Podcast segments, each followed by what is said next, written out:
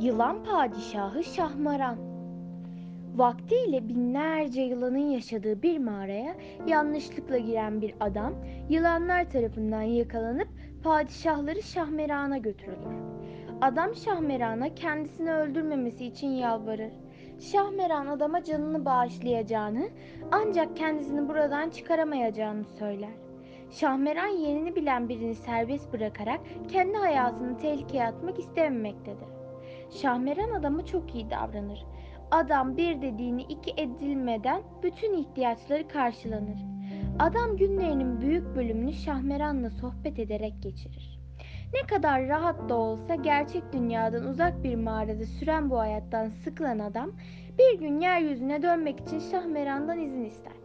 Şahmeran adama ona güvendiğini ifade ederek yerini kimseye söylememesini tembih eder. Ancak kendisini gördüğü için vücudunun pul pul olacağını, bu yüzden vücudunu kimseye göstermemesi gerektiğini de söyler. Yeryüzünde normal hayatına dönen adam Şahmeran'ı gördüğünü hiç kimseye söylemez. Bir bu arada padişahın kızı hasta olmuş.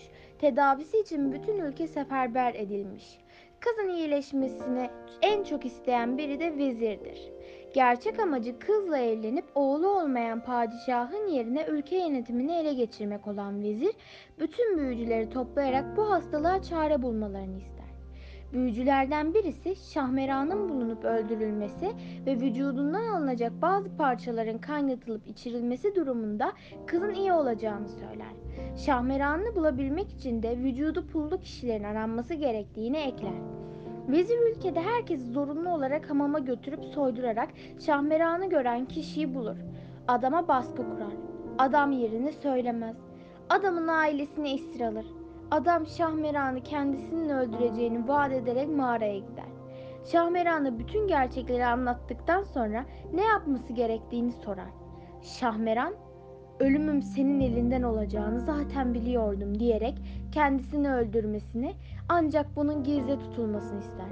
Çünkü öldüğü duyulursa dünyadaki bütün yılarlar insanlardan öç almaya kalkacaklardır.